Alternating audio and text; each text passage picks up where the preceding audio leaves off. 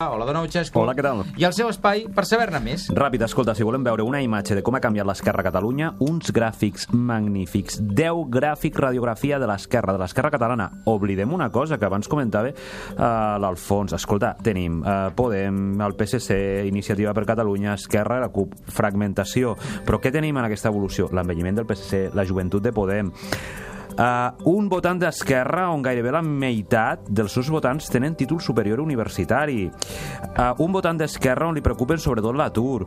Un votant d'Esquerra on tots són catalanistes i el que la diferència és uns més que uns altres. Són uns gràfics d'aquest grup de politòlegs del cercle Jerry Mindering, uh, de l'Edgar Rovira i la Sílvia Claveria, que són una foto claríssima de com ha canviat l'Esquerra. I on surt això?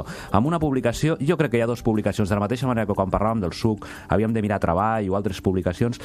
Per on va l'Esquerra avui? Si hi ha un sismograma, jo crec que són dues publicacions. Una és crític i la directa, per veure des d'un extrem amb un altre. És a dir, què està passant a l'Esquerra? Jo crec que mirant crític i la directa ho veiem. Ho veiem per què? Ho veiem perquè, per exemple, hi ha també un llibre molt interessant que publica, ha publicat el 2008 per l'editorial Virus, que es diu La indirecta, una entrevista a l'Esquerra, Sí. que em sembla molt embrionari, amb tota una sèrie de personatges que van des de Naomi Klein a nivell internacional, a gent pròpia de l'esquerra de sempre, Neus Català, però amb un pròleg de David Fernández, insisteixo, 2008, on ja hi ha, diguem-ne, aquest pòsit de comú ideològic d'una banda amb una altra, aquest catjol d'esquerra molt interessant. Pues per tant, veurem. tot aquí. Molt bé, Xesco, veurem i fins a on porta. Moltes gràcies, ara ens retrobem.